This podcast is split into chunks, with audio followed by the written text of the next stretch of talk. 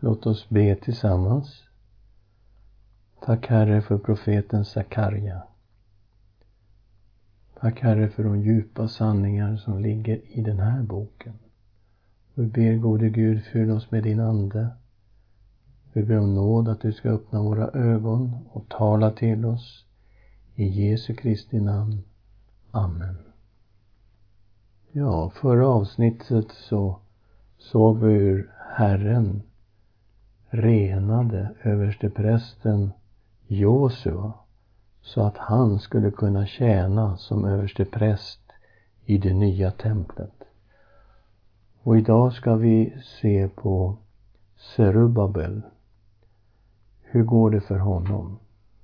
Vi kommer till syn nummer fem och vi möter en sjuarmad ljusstake och två olivträd. Kapitel 4, 1 till 14. Och den här synen, den svarade på frågan om Serubabels uppgift. Kungarna i Juda hade precis som prästerskapet fått en definitiv dom när Jerusalem ödelades och folket fördes bort i fångenskap 586 f.Kr. Serubabels tjänst som ledare för folket var inte självklar. Trots att han var ståthållare. Trots att han kom från Davids släkt. Men precis som i profeten Hagai så får han här en personlig profetia. Vi såg ju det i Hagai kapitel 2, vers 24, att det kom en väldigt personlig profetia till Serubabel. Vad är det vi möter här? Ja, Sakarja såg en sjuarmad ljusstake med två olivträd på varsin sida. Från vart och ett av olivträden sträckte sig en kvist över en oljeskål på ljusstaken.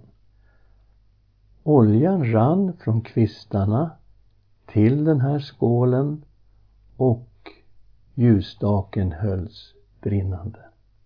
Vi får också i den här texten veta att de två olivträden syftade på de två oljesmorda tjänsterna i Israel. Och vilka var det då? Ja, det var kung och överste präst. Och vi får också klart för oss att de två kvistarna, ja, de syftade på Serubabel och Josua. Vi bör också ta med det faktum att Guds ande är omnämnd i den här texten. Så här står det i kapitel 4, vers 6. Här är Herrens ord till Serubabel. Varken genom styrka eller makt, utan genom min ande, säger Herren Sebaot. Dessutom övervakades hela processen av Herrens sju ögon som vi kan läsa om i kapitel 4, vers 10. För vem föraktar den ringa begynnelsens dag? De gläds över att se murlodet i Serubabels hand.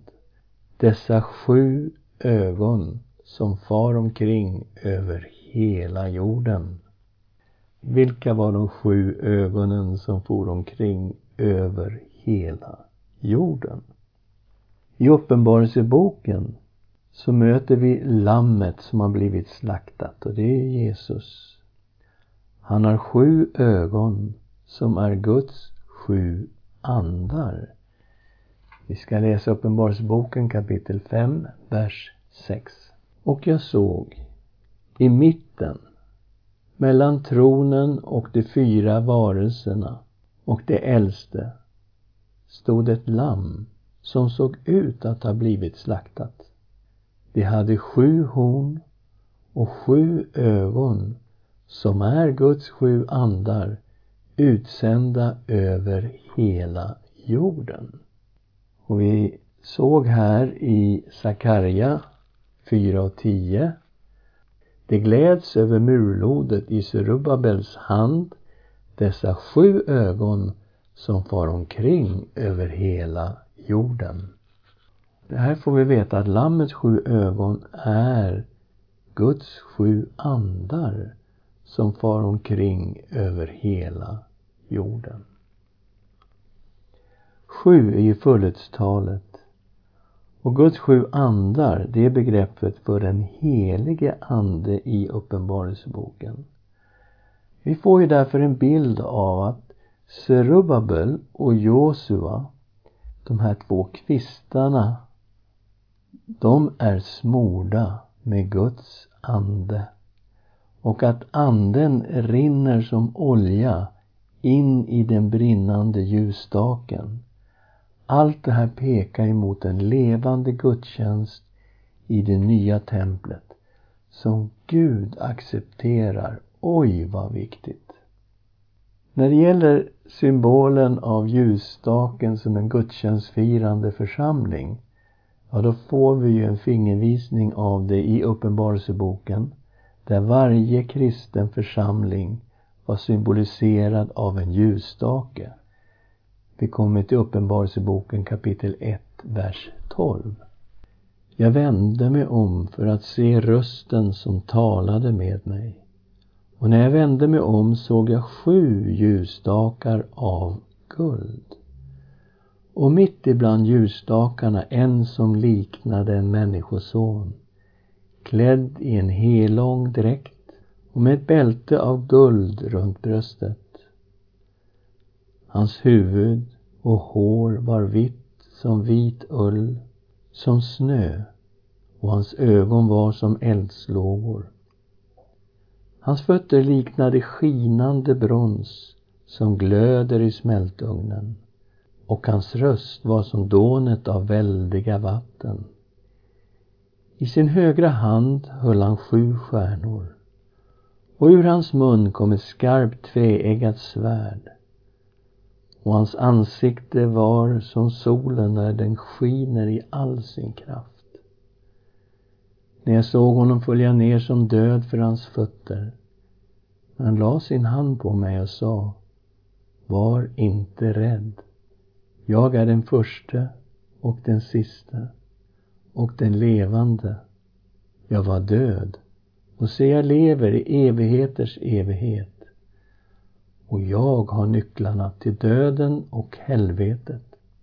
Skriv nu ner vad du har sett om vad som är och vad som kommer att ske efter detta. Detta är hemligheten med de sju stjärnorna som du såg i min högra hand och de sju ljusstakarna av guld. De sju stjärnorna är de sju församlingarnas änglar och de sju ljusstakarna är de sju församlingarna. Så här möter vi en uppenbarelse av en förhärligad Jesus Kristus. Och varje detalj kring honom beskriver något av vem han är.